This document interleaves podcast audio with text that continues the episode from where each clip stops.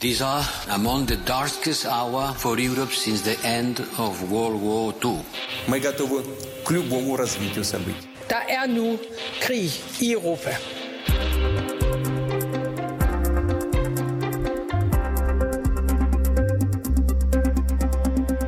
Afrikanerne er offer for krigen i Ukraine, også selvom vi i afstand er meget langt væk. Sådan lød det fra den senegalesiske præsident Macky Sall, der også er formand for den afrikanske union, da han forleden talte med den russiske præsident Putin.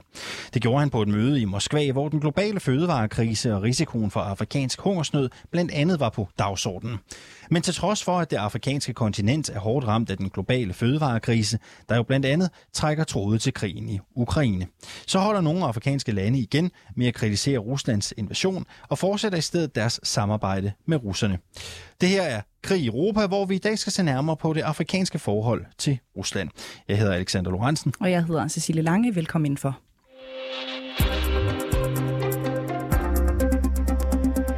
Oscar Rothstein, velkommen til programmet. Mange tak. Du er Afrika-journalist hos det undersøgende medie Danwatch, og du rejser med jævne mellemrum til øh, det afrikanske kontinent øh, i din research. Allerførst, lad os lige prøve at få slået fast. Hvor slemt står det til lige nu i forhold til manglen på konkret fødevare i Afrika? Det står meget, meget slemt til. Og det står så slemt til, at øh, folk, der beskæftiger sig med, med, med det her professionelt, altså folk i det internationale donorsamfund, øh, ikke rigtig ved, hvilket ben de skal stå på. Altså det er helt overvældende, så stort problemet er. I Afri- på Afrikas horn, i Østafrika, der forventer man, at der dør et menneske af sult hver 48. sekund. Øhm, og, øh, og det, ikke er, det, det, det er så nok den plet på kontinentet, der er allerhårdest ramt. Men altså, hvis vi kigger tværs over til Vestafrika, så, øh, så, er det, så er det også store milliontal øh, af mennesker, der, der mangler mad. Du nævnte lige, at øh, de, som arbejder med det her øh, professionelt, ikke ved, hvilke ben de skal øh, stå på. Hvordan kommer det til udtryk? Jamen, det er bare den fornemmelse, jeg får, når man, når man læser øh, deres udtalelser, deres øh, opfordringer til, at øh, det internationale samfund, altså de politikerne, leverer de penge, der skal til. De er, de er desperate, øh, fordi de folk, de møder ude i... Øh, ude i felten, mm. i flygtningelejrene og i landsbyerne, de er også desperate. Øhm, og til trods øh, for, at fødevaremanglen har ramt øh, Afrika, så er der jo altså flere af de afrikanske lande, som ikke øh, fordømmer den russiske invasion i Ukraine. Et eksempel det er Mozambique i det sydlige Afrika, som netop har underskrevet en ny øh, samarbejdsaftale med øh, Kreml. Prøv lige at forklare det. Måske skal man først lige slå fast, at Afrikas fødevareproblemer og fødevarekrisen ikke kun handler om krigen i Ukraine. Krigen i Ukraine har ligesom bare været den, det, det, det seneste, der har, der har skubbet det i en, i en yderligere øh, forfærdelig retning, fordi det, det unikke øh, ved den her krise, det er, at der er mange kriser i krisen. Mm. Altså det er klimaforandringer, det er, øh, det er politisk, økonomisk ustabilitet, det er, det, det er stigende priser og inflation, som, som allerede var, var slemt før krigen. Så det er bare blevet endnu værre. Mm. Øhm, så det, det, det synes jeg er en vigtig pointe. Ja, man kan sige, øh, vi har altid øh, kendt problematikken øh, sult på det afrikanske øh, kontinent, men i forbindelse med kornproduktion og fødevareproduktion, øh, mere konkret og lokalt i Ukraine, ja. vil det selvfølgelig være mere presset i en situation, som, som vi er i Netop, øh, men, nu. Men, men ikke desto mindre, så er det jo ekstremt øh, besynderligt umiddelbart, mm. at vi har en, en lang række afrikanske lande, øh, ikke så langt fra halvdelen af kontinentet, som, som øh, fastholder sådan en politisk neutralitet øh, Ukraine-spørgsmålet, og som gør rigtig meget for ikke at lægge sig ud med Rusland. Mm. Og det er der en lang række årsager til. Øh, og, og hvis man skal i dybden med det, skal man nok egentlig tage det land for land, fordi der er mange øh, forskellige motiver i de enkelte lande. Du nævner et land som Mozambique. Det er et af de lande, som har et, øh, et øh, historisk, ideologisk slægtskab til øh, Rusland.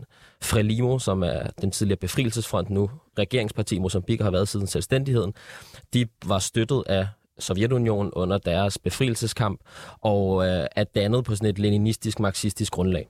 Øh, så der er den her historiske relation til Moskva, der gør, at øh, politikerne i Frelimo øh, naturligt kigger i den retning. Og så er der også nogle sådan lidt mere reelt politiske grunde. Der har været russiske lejesoldater i, i øh, det nordlige Mozambique, hvor der er krig. Øh, VTB, en af de store russiske banker, har været en flittig långiver til, til mozambikanske øh, forretninger. Øhm, og, og, og sådan kan man pege på, på en række konkreter. Øh, og der har, der har lige været en russisk delegation i Maputo, og indgået en ny øh, samarbejdsaftale mellem de to landes parlamenter. Netop som hvad skal man sige, en stadfæstelse af, at et land som Mozambique, modsat hvordan vi, vi tænker det på, på vores kontinent, ikke har nogen som helst intention om at kappe båndene til Rusland. Mm. Og Mozambique er jo bare et eksempel på et afrikansk land, der fortsætter sit samarbejde med øh, Rusland, invasionen i, i Ukraine til trods, og som øh, øh FN har erklæret, at de er øh, neutrale i deres holdning øh, til, til krigen. Men hvorfor gør flere afrikanske lande egentlig øh, det her? Du var lidt inde på det tidligere. Ja, altså, øhm. jeg, jeg var inde på, at, at hver land har sin grund. Nogle, nogle lande kan det måske have noget med nogle minekontrakter at gøre, andre lande kan det være noget med nogle våbenleverancer, og sådan er der nogle konkrete grunde. Men der er alligevel, vil jeg sige, hvis, hvis, hvis man skal pege på et gennemgående træk, så vil jeg sige, at det for mange afrikanske lande er en meget stor udenrigspolitisk prioritet at have en alliancefrihed. Altså ikke være bundet entydigt op til en blok i verdenspolitikken. Ikke øh, være, øh, være, være i hus hos amerikanerne, eller hos øh, europæerne, eller hos russerne, eller hos kineserne. Mm. Men tværtimod øh, kunne, kunne handle med den, med den ene part den ene dag, og den anden part den anden dag. Og det er også kun i vores verden, at vi opfatter den her politiske neutralitet som en støtte til russerne. Fordi sådan bliver det ikke rigtig forstået på det afrikanske kontinent. Og hvis du spørger de øh, magthaverne i de her lande, som, som påberåber sig den her neutralitet, så vil de lægge vægt på, at det er en neutralitet. Mm at de holder lige så meget med Ukraine, som de holder med Rusland. Det er kun fordi, der er i vores del af verden en stemning af, at enten er du med russerne, eller så er du mod russerne. Og det er ikke helt sådan, det bliver tænkt fra de her lande, som, som ligger den her neutralitet for dagen. De tænker det modsat ind i, ind i, i, i den her ambition om at være alliancefri, og simpelthen kunne handle og samarbejde med hvem de vil, når de vil, og ikke være bundet til, til en blok. Oscar Rostein, øh, Afrika, øh, journalist hos Danwatch. Du bliver stående her i studiet heldigvis, og så vender vi tilbage til dig øh, lige om lidt efter et indspark fra Sydafrika.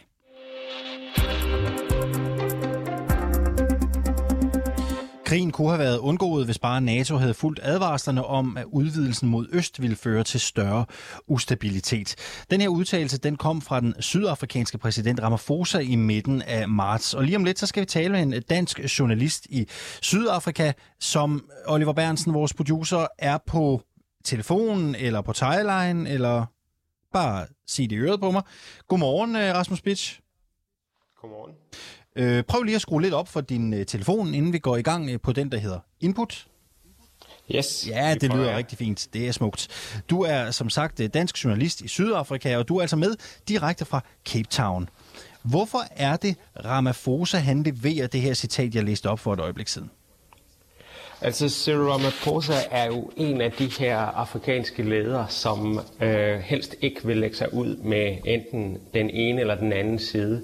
Og der er en rigtig god pointe i det her med, at det her meget, hvad skal man sige, hårde enten for eller imod billedet på, på Rusland, øh, ikke er så klart uden for Europa, som det er i Europa.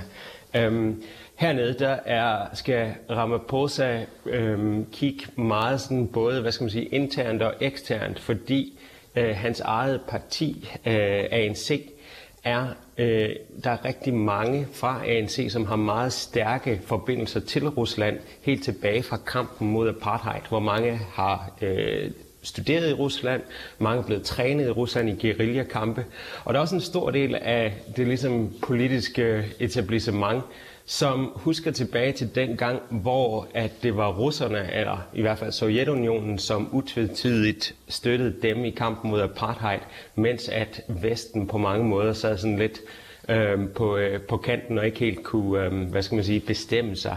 Så det var sådan den, den, hvad skal man sige, den bagudrettede side. Og så det andet, det er det her med, Øhm, at man også, når man kigger ud i verden fra Sydafrika, øh, så er det meget vigtigt, at man ikke øh, bliver uvenner med særlig mange mennesker, fordi lige nu så er vi godt nok stadigvæk øh, en af de stærkeste økonomier i Afrika, men det er stadigvæk et land i en dyb økonomisk krise, enorm arbejdsløshed, endnu større ungdomsarbejdsløshed, og man har brug for alle de internationale forbindelser, man kan få for at sikre investeringer og for at øh, ligesom, øh, sørge for, at man kan få gang i væksten efter nogle meget hårde år med øh, covid-19. Så det er sådan, hvad skal man sige, to af grundene. Og så den tredje er, at Sydafrika også på en eller anden måde ser sig selv lidt som sådan en, en mulig malingspartner, og det har de gjort i øh, de seneste to årtier, hvor øh, Ramaphosa også har været inde og sige, jamen øh, vi kunne også godt muligvis spille en rolle i en eller anden diplomatisk øh, forhandling mellem de to lande, og det kan vi ikke gøre, hvis vi fordømmer den ene og ikke den anden. Så ud fra det, du siger her, så mener Ramaphosa altså ikke entydigt, at det er NATO, der er skyld i krigen i Ukraine? Nej, det gør han ikke. Han, han har også sagt, at man fordømmer øh, invasion, når man siger, at det er ikke i orden. Øhm, og, øh, så det er ikke sådan, at, at han mener, at man kan skyde skylden for. Det er ikke sådan en, hvad skal man sige, victim blaming, hvor man siger, at det er Ukraines egen skyld, eller NATO's egen skyld. Det er mere sådan en form for et udtryk for en balancegang mellem de to forskellige positioner, hvor at man ja, gerne skal undgå at gøre nogen alt for sure øh, på den ene eller den anden side. Men når der lander en kommentar som den her fra Sydafrikas præsident, altså en kommentar, som antyder en form for skepsis over for Vesten, hvad er det så mere præcist, han gerne vil signalere? Jamen der taler han jo nok både ind i den lokale kontekst i Sydafrika, hvor det ikke vil være acceptabelt for ham at kritisere øh, entydigt øh, Rusland, uden at sige, at NATO øh, har også gjort noget galt. Derudover så taler han også ind i den her internationale kontekst, hvor, hvor det gælder om øhm, ikke at blive alt for meget uvenner med russerne, øhm, og samtidig også ikke være alt for meget uvenner med Vesten. Ikke? Så, så det er meget den her balancegang, som går i alle mulige forskellige retninger, og egentlig er lidt kompliceret. Og jeg tror nok, at hvis Cyril Ramaphosa tog en mere, øhm, hvad skal man sige, en mere sådan hårdt øh, standpunkt, lige meget hvilken retning det vil være, så vil det give ham enorme problemer i, i hans eget parti derhjemme, men det vil også risikere at kappe nogle forbindelser til udlandet, som, som Sydafrika bestemt ikke er interesseret i at kappe. Hvad med, øh, hvad med borgernes forhold til invasionen af Ukraine? Hvor står de? Der er det så nok måske, det er jo sådan noget, som jeg ikke ved, fordi jeg har ikke sådan en øh, statistisk, jeg har ikke set nogen statistik omkring det. Jeg tror ikke, der er lavet nogen statistik omkring det. Så det, jeg siger, det er sådan rent anekdotisk. Øhm, hvad jeg oplever, hvad jeg taler med folk om, hvad jeg ser på sociale medier osv.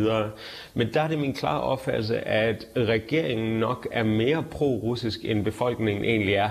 Når man så taler om, så er der også rigtig mange mennesker, som er fuldstændig ligeglade med, hvad der foregår, eller som har andre ting at bekymre sig om, ligesom der selvfølgelig er andre steder. Øh, hernede er det selvfølgelig en stor historie, men den er på ingen måde så stor, som, øh, som den er i, i Europa. Og Øhm, men blandt ligesom den offentlige debat, meningsdannere osv., der tror jeg, at der er en rimelig stor, øhm, hvad skal man sige, øh, del af dem, der deltager i debatten, som mener, at det er Rusland, der ligesom er den største aggressor i den her sag. Øhm, og der er det regeringen og, øh, og en del af politikerne øh, er måske lidt mere pro-russiske i deres, øh, i deres udgangspunkt. Rasmus Bitz, du er øh, dansk journalist i Sydafrika med fra Cape Town. Tak fordi du var med her til morgen. Det var så lidt.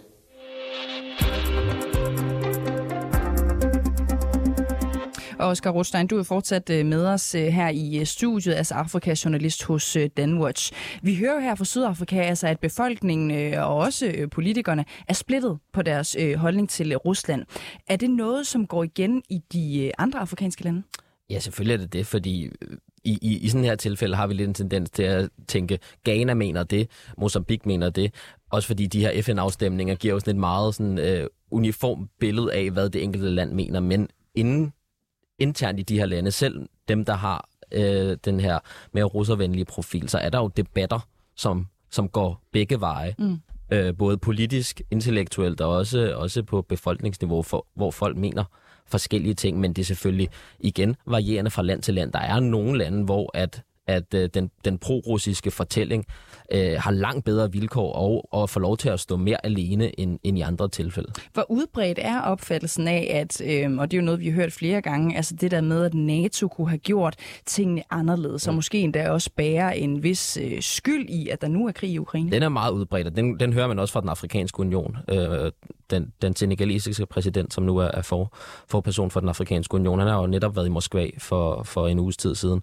Øh, Macky Sall, hvor han... Øh, hvor han, han netop lavede den her, som Rasmus også taler, den her diplomatiske balancegang, hvor han, han opfordrede til dialog, øh, og, og fordømte sådan, sådan set også invasionen, men, men åbnede helt klart også op for den her flanke. Og hvis i vi skal prøve til- at sætte et billede på den her øh, splittelse, eller øh, man kan også kalde det øh, delte meninger øh, i virkeligheden, ikke? Er det sådan, man kan sætte en streg ned med, gennem det afrikanske kontinent, eller hvordan er fordelingen sådan, øh, sådan mm. specifikt? Nej, det, det, det, det vil nok være en lidt for, for nem øvelse at gøre, men man kan alligevel godt pege på nogle, skal man sige, på nogle, på nogle pletter på kontinentet, hvor at den pro-russiske fortælling i hvert fald har, har særligt gode vilkår lige nu. Og der, der er et område som Sahel, i det hele taget bare det fransktalende Vestafrika, nogle lande, hvor, at, øh, hvor der er i, i de her år meget, meget stor opposition mod Vesten. Øh, ikke mod Ukraine, men mod, mod Vesten. Og det er, jo, det er jo fordi, at Ukrainekrigen bliver skrevet ind i den her store stormagtskamp mellem Rusland og Vesten, at det fremkalder også nogle, nogle særlige reaktioner på det afrikanske kontinent. For du har de tidligere franske kolonier lige nu, der oplever en, en meget stor øh, opstand øh, både, både øh, folkeligt og politisk mod, øh, mod øh, stadig vestlig indflydelse i de her lande. Og, og det er det er lande som den centralafrikanske republik, Mali, Burkina Faso, øh, Kamerun, hvor at, øh, at, at der er en særlig lydhørhed over for den pro-russiske fortælling. Mm, og det er som om, at, at vi har øh, åbnet så småt historiebogen øh, allerede, når vi taler om det her øh, emne, Oscar Rothstein. Hvordan taler Afrikas historie ind i deres syn på NATO og Vesten, mm. altså sådan helt generelt? Jamen, det, jeg, jeg, hvis, jeg tænker egentlig, det spiller en ret stor rolle, fordi hvis der er noget kontinent, der, der netop har den her øh, lyd, lyd, lydhørhed over for, for, øh, for kritik af vestlig ekspansionspolitik, så må det være Afrika. Altså, det er et kontinent, der om nogen kender til, øh, til, øh, til bagsiden af, af vestlig ekspansionspolitik. Kolonialismen simpelthen. Mm. Øh, og, øh, og, og det er jo, det er jo den fortælling, man, man i høj grad får serveret fra, fra, fra russernes side, og som mange afrikanske statsledere så også abon- abonnerer på. Og den, øh, den er der, øh, vil jeg helt klart sige, øh, ret stor appetit efter mange steder på kontinentet. Netop på grund af historien. Kan det historiske perspektiv på en eller anden måde medføre, altså at Rusland nu øh, kan fremstå som en bedre samarbejdspartner øh, for øh, afrikanere generelt, end, end Vest måske gør? Øh, jeg- vil mene, det spiller en rolle, men det, det er ikke hele forklaringen, fordi øh, at, at, at man skal bestemt heller ikke underkende de sådan lidt mere ja, økonomiske, realpolitiske motiver, de enkelte statsledere kan have. Altså, vi har at gøre med nogle meget sådan, kleptokratiske regimer, som går meget op i, hvem der har hvilke minekontrakter, og hvem der har øh, sidder på hvilke våbenaftaler. Og, og, og i de fleste tilfælde er det substansen, vil jeg mene, i, i relationerne til Rusland. Og så har vi så det her historiske spor, som på en eller anden måde kan forstærke nogle af de øh, forskellige ting, der ligger i de enkelte lande i forhold til samarbejdet med Rusland. Mm, og de historiske spor er jo en ting, men jeg tror, vi kender jo også øh, fra øh, os selv og herhjemme, at holdninger og, og, og verdensbilleder kan også nogle gange øh, skifte på tværs af generationer et eller andet sted. Kan man sige noget generelt om, at øh, de ældre generationer er mere øh, kritiske over for vestens øh, ekspansion end de yngre, eller omvendt? Mm. Det ved jeg simpelthen ikke. Øh, det, det er et godt spørgsmål. Det kunne man jo godt formode, men øh, lidt, lidt, lidt ligesom Rasmus havde det forbehold, da han var igennem, det, er- det er virkelig farligt at udtale sig på vegne af, af, af befolkningerne. Øh, fordi øh, at, at øh, for det første er der ikke særlig gode undersøgelser af det, og bare fordi at jeg var i Liberia for halvanden uge siden, betyder det ikke, at jeg lige præcis ved, hvad, hvad, øh, hvad de tænker i, over på den anden side af kontinentet i Tanzania. Så det, det, det ved jeg ikke, men det er da en oplagt tanke, at man kunne forestille sig, at der er en eller anden generationsforskel i, i, øh, i øh, holdninger også til det her spørgsmål. Det var et uh, tip direkte fra mig til dig, Oscar Rothstein, uh, journalist hos Danwatch. Tusind tak, fordi du var med her til morgen. Selv tak. Når vi i dagens afsnit af Krig i Europa ser nærmere på forholdet mellem Rusland og det afrikanske kontinent, så er det også relevant at dykke ned i det militære samarbejde, der er mellem Rusland og nogle af de afrikanske lande. Et eksempel er det vestafrikanske land Mali, der har en russisk samarbejdspartner, nemlig den berygtede Wagner-gruppe, der er en gruppe af lejesoldater. Thomas Mandrup, godmorgen. Godmorgen. Du er lektor ved Center for Stabiliseringsoperationer under Forsvarsakademiet, og så har du også en master i Afrikastudier. Hvorfor har Mali valgt at samarbejde med de her berygtede russere? Ja, man kan sige, det er jo, øh, det kommer jo efter de her dobbeltkup, som vi havde, hvor, hvor general Gøj, eller Oberst nu sidder med magten, øh, og hvor Vesten og de vestafrikanske stater i, i sammenslutningen har, har de sat ham under sanktioner og suspenderet medlemskaber og lukket for, for øh, indflydelse og krævet, at han øh, går tilbage og gennemfører demokratiske reformer osv. Og det er jo det peger på, øh, på det, den problemstilling, som vi som Vesten, og nu siger vi, øh, har generelt set, det, det her med, at vi hele tiden går ind og har den her holdning til, at vi skal ind og have demokrati, og vi skal have noget som noget af det første menneskerettigheder som fokus, og hvis de her regeringer ikke lever op til det, så kan vi ikke samarbejde med dem. Øh, og nu citerer jeg Flemming Møller Mortensen, som var i radioen forleden dag. Ikke? Øh, så, så og der har vi, Rusland har jo, og siden 2019, hvor vi havde Afrika Ruslands topmøde, hvor, hvor Putin han var ude at sige det her med, jamen øh, vi, vi kommer værdifrit, vi kommer, vi kommer, vi er interesseret i ressourcer, vi er interesseret i at lave samarbejde med jer, vi er interesseret i at gå ind og konkurrere med de andre virksomheder i forskellige sektorer osv. Og, og vi har ikke de samme betingelser, og derfor bliver, bliver skal vi sige, Wagner-gruppen slash Rusland slash Kina øh, bliver meget attraktiv partner, for de kommer ikke med den samme værdipolitiske ting her. Og det udfordrer vores øh, positioner. Det er jo nyt for os, fordi at det så vi ikke lige efter afslutningen med Kold Krig, var det der alternative verdensbillede, det var der ikke på samme måde. Så Wagnergruppen er simpelthen et værktøj til at hjælpe øh, gruppen ved at blive ved magten i landet? Ja, det kunne sige, altså det, det, det man skal være opmærksom på, når vi siger samarbejde med Rusland og de aftaler, der ligger, ikke? Altså, der er jo mere end 30 øh, militæraftaler mellem forskellige stater i Afrika og Rusland. Øh, Rusland er den største våbeneksportør over 44 procent af alle våben eksporteret til Afrika kommer fra Rusland af, og så videre, og så videre. Og det, man kan sige med det, Wagner-gruppens rolle i, i Mali, det er jo det her med, dels at de inde og lave regimebeskyttelse, og, og dels er de ude at hjælpe i det her, det der, de her operationer mod de der islamistiske og andre oprørsgrupper i Mali. Det vil sige, de overtager den rolle, som franskmændene og, og hvad hedder det, har haft og så videre, og øh, som Danmark også skulle have lavet i forbindelse med Operation Takuba. Ikke? Øh, så, så de spiller den her rolle. Så, og ofte kan man sige, at de her aftaler er jo ikke mellem, som også det blev sagt lige før af både Oliver og også Rasmus Let, mm. det her med, at, at det er jo ikke aftaler mellem stater og Rusland, det er jo mellem, det er mellem, skal vi sige, eliter, øh, og der sidder med magten, og ofte ikke med demokratiske midler, eller vil sige med demokratiske midler. Og det, der bliver Rusland en vigtig værktøj i at holde magten. Wagner-gruppen er jo ikke kun til stede i Mali, men flere steder i Afrika. Hvad er det, gruppen kan og gør? Jo, men så sige, gruppen er jo, altså dels kan man sige, de, er jo, øh, de kommer i stort nummer, altså antal. Øh, du har over 1400, øh, skal vi sige, såkaldte legesoldater, eller hvad vi kalder dem, contractors, deployeret i, i Mali alene. De går med i, i operationer, de er med til at planlægge operationer, de laver træning, de laver personbeskyttelse, altså det her med beskyttelsen af, af den her lille kubregering, eller med eliten osv. Så, videre. så på den måde kan du sige, det er både noget, der indadtil beskytter regimet, men det er også noget, der kan gå ud og lave operationer. Ikke? Og der man kan sige, vi har jo også i Vesten haft tilsvarende ting. Der, vi har jo haft Blackwater i Irak, og vi har haft uh, Bancroft og andre, der laver tilsvarende for amerikanerne osv. Uh, Armor Group for englænderne osv. Så, videre. så, så til vis grænse har vi jo haft nogle af de samme værktøjer, øh, som de går ind og gør. Ikke? Men, men det er det, de kan. Øh, og de går ind og understøtter til sige, regeringer, der er svage øh, i den her operation. Så de er sammenlignet med private øh, militærvirksomheder i virkeligheden? Dem, ja. du nævnte lige før, det er de private militærvirksomheder, som man kan sammenligne med Wagner-gruppen? Ja, et eller andet sted kan man sige. Forskellen er så bare antallet, ikke? Og der kan sige, men der kan vi sige, der havde vi også rigtig mange i Irak og Afghanistan, altså, øh, som, som var for de her, ikke? Men de varetager visse interesser, kan man sige, ikke? Øh, som, og, der, og de er tæt på Moskva, og det vil sige, de varetager en forlængelse af russisk udenrigspolitik. Men det har vi igen, har vi også set med Sandline og andre tidligere 90'erne fra England og andre, ikke? Så, så det er jo ikke et nyt fænomen på den måde. Samarbejdet mellem Afrika og øh, Rusland manifesterer sig jo på mange punkter, blandt andet gennem våbenhandel. Knap halvdelen, det er 49 procent, ikke alle våben solgt i Afrika, de er russiske. Hvor vigtig en kunde er Afrika for Rusland?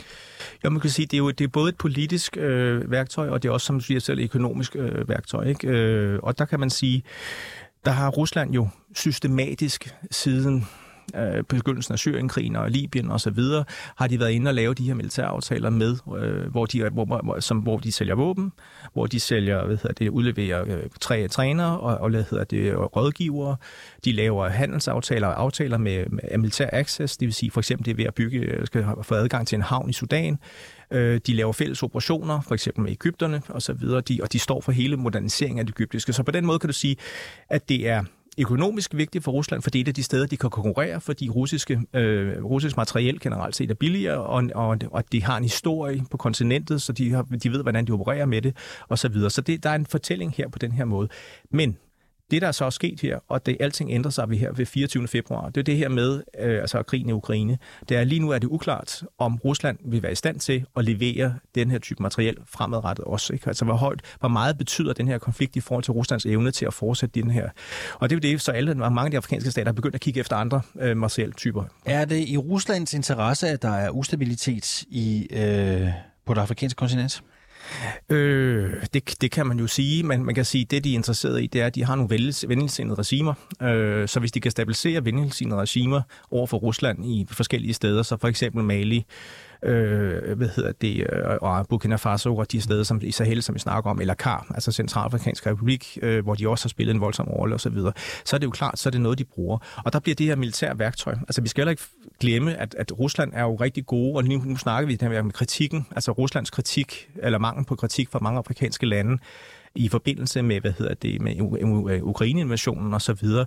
Men der kan du sige, der bliver det her militære samarbejde, det her økonomiske samarbejde, de er begyndt at lave med, med hvad hedder det, bliver jo en vigtig faktor for Rusland i, i, i forsøget på at spille geopolitik generelt set og få støtte osv. Ikke? Mm. Og det gør de jo også for eksempel med, med, specielt med korn i øjeblikket, hvor de har afrikanerne øh, og, og kan ligesom bruge det som en bargaining chip, ikke? fordi de kan sige, hvis vi holder jer vores korneksport tilbage, det vil sige, at I risikerer hungersnød. Hvis I ikke hvis I går ud og kritiserer os og så videre. Så der, der har de jo den der, som de går ind og handler med, og det samme kan de gøre med de her våben. Thomas Mandrup, lektor ved Center for Stabiliseringsoperationer under Forsvarsakademiet og Master i Afrikastudier. Tak fordi øh, du kom her til morgen. Det var så lidt.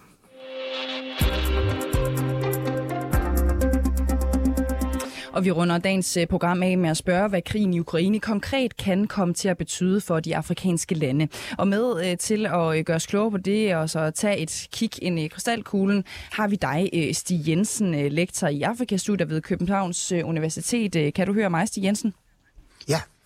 Det er jeg glad for. Tak fordi at, du med. Ja, tak fordi du har øh, lyst. Du har jo helt kort øh, opridset tre mulige scenarier for, hvad krigen i Ukraine kan få af konsekvenser på det afrikanske kontinent, og dem skal vi lige prøve at se lidt nærmere på øh, nu. Det første scenarie er økonomisk nedsmeltning på øh, national plan i flere afrikanske lande. Hvad skulle konkret forårsage det? Altså, lidt i forlængelse af det, som øh, Thomas Mandrup sagde, jamen så er de her stigende priser på øh, hvede, som får en afsmittende effekt på stigende priser i det hele taget på fødevarer. Det er jo gift for økonomierne for en række afrikanske lande, fordi øh, Afrika som helhed er fødevareimportør og øh, de afrikanske lande er økonomisk set utrolig presset. Det betyder konkret set, at øh, mere end halvdelen af de afrikanske lande er de facto gået konkurs. Og hvad vil den her forværrede økonomiske situation sådan øh, betyde helt konkret? Altså det man jo kan, det vi allerede har set i en række afrikanske lande, det er jo, øh, at der kommer i de store byer, der kommer demonstrationer. Fordi det er klart, at øh, øh, bybefolkningen i mange afrikanske lande er meget, meget hårdt ramt, og det bliver dem, der er direkte ramt af de her stigende priser. Og øh, måden, de udtrykker deres utilfredshed på, er at gå i gaden og demonstrere øh, mod øh, landets ledelse øh, på grund af de her forringede levevilkår. Og det er med til at destabilisere øh, landene i Afrika. Og der har vi jo allerede øh, inden for en relativt kort tidshorisont set en række militærkup, som ofte har øh, været resultatet af de her øh, folkelige demonstrationer i storbyerne. Ja, det leder os jo måske meget fint over i øh, det andet scenarie, øh, som er det, du kalder sammenbrudte nationalstater. Øh, prøv lige at forklare os, hvad handler det om? Det, det handler om, det er, at øh, altså, vi har jo en række stater i Afrika, men, men flere og flere stater, øh, der kontrollerer øh, staten eller myndighederne eller den politiske ledelse øh, kun hovedstederne i dagslys. Det vil sige, at de er ekstremt presset her af forskellige oprørsgrupper eller grupper, der er kritiske øh, over for, for, øh, for landets ledelse. Og, øh, og den her krise kan sådan set i, i forhold til fødevarer, øh, som er linket op på krigen i Ukraine, kan sådan set gøre, at de her stater får større og større problemer, fordi at det bliver nemmere og nemmere for separatistbevægelser, oprørsbevægelser, terroristbevægelser, eller hvad vi nu kalder dem, at mobilisere folk mod regeringen. Så det, jeg ser ind i, det er, at vi får måske en somalificering af en række øh, lande i, øh, i Afrika. Altså det her med øh, totalt øh, nedbrudte stater. Somalificering. Prøv lige at øh, sætte nogle flere ord på, hvad du mener med det. En somalificering betyder sådan set, at vi har en centralregering, som kun kontrollerer et meget, meget lille areal, og, og store dele af, af, af Somalia er sådan set kontrolleret af lokale klanbaserede grupper. Det vil sige, at vi, vi har ikke øh, det, man traditionelt taler om en nationalstat, men vi har en meget, meget fragmenteret øh, øh, ledelsesstruktur, som er ofte er meget lokalt baseret, og som er baseret på, på konflikter øh, i, i forhold til, til den centrale regering. Mm. Øhm, et tredje scenarie, som vi også lige skal øh, vende, det er, at der vil opstå en dyb splittelse på det afrikanske kontinent. Øhm, forklar lige, hvad er det for en splittelse? Altså det, jeg frygter, er jo, at vi øh, lige meget hvor lang tid krigen i Ukraine varer, kommer til at øh, kommer ind i det, man kan kalde en ny kold krig. Det vi så i den kolde krig, øh, vi havde tidligere, øh, det var sådan set, at... Øh, at vi så en masse konflikter i Afrika, så den kolde krig var sådan set varm, og det betød, at øh, tusinder og der tusinder blev dræbt i konflikter. Et godt eksempel er for eksempel Angola, øh, hvor forskellige aktører linket op på enten øst og vest øh, kæmpede om, om nationalstaten der. Og det, der bekymrer mig meget, det er både altså interne konflikter, men også konflikter mellem landene, som på hver deres, de, de afrikanske lande, prøver at linke op på respektive Vesten og øh, og andre ikke-vestlige aktører, som kunne være Rusland og Kina. Og, og de her ting kunne blive konfliktfyldt. Og som Thomas Mandrup også sagde, jamen altså Mali er et meget godt eksempel på, hvor man faktisk også ser det her med, at for nogle aktører kan destabilisering sådan set være øh, nogle aktører udefra, kan destabilisering sådan set være noget positivt. Mm. Så bare lige så vi er øh, helt med og ganske kort her til sidst, Stig Jensen. Altså, øh, kommer vi til at se deciderede krige mellem ja, henholdsvis Vesten og Rusland, men på det afrikanske kontinent øh, i, i den kommende tid? Altså det, jeg frygter, er, at vi kommer til at se en række øh, krige inden for nationalstater i første omgang. Mm. Og det, det, er, det er det, som jeg, jeg forestiller mig, at vi kommer til at se mere af, end vi har set det indtil videre. Og så kunne det også godt betyde, at der kom øh, deciderede krige mellem, mellem lande på, på kontinentet på grund af de her ting her. Der er i hvert fald også øget spændinger mellem forskellige lande på kontinentet, øh, som kan blive yderligere forværret af, din, af, af den her nye kolde krig, vi kigger ind i. Stig Jensen, lektor i Afrikastudiet ved Københavns Universitet. Tusind tak, fordi du var med her til morgen. Tak for, at jeg måtte være med. Du har lyttet til øh, Krig i Europa. Redaktionen bag dagens program er Sofie Ørts, Oliver Bernsen og redaktør Christine Randa. Mit navn det er Cecilie Lange. Jeg hedder Alexander Vils Lorentzen. Du kan altid finde flere udsendelser i vores 24-7-app eller i den podcast-app, du nu måtte foretrække. Ellers så kan du lytte med hver dag live i radioen her på 24 /7.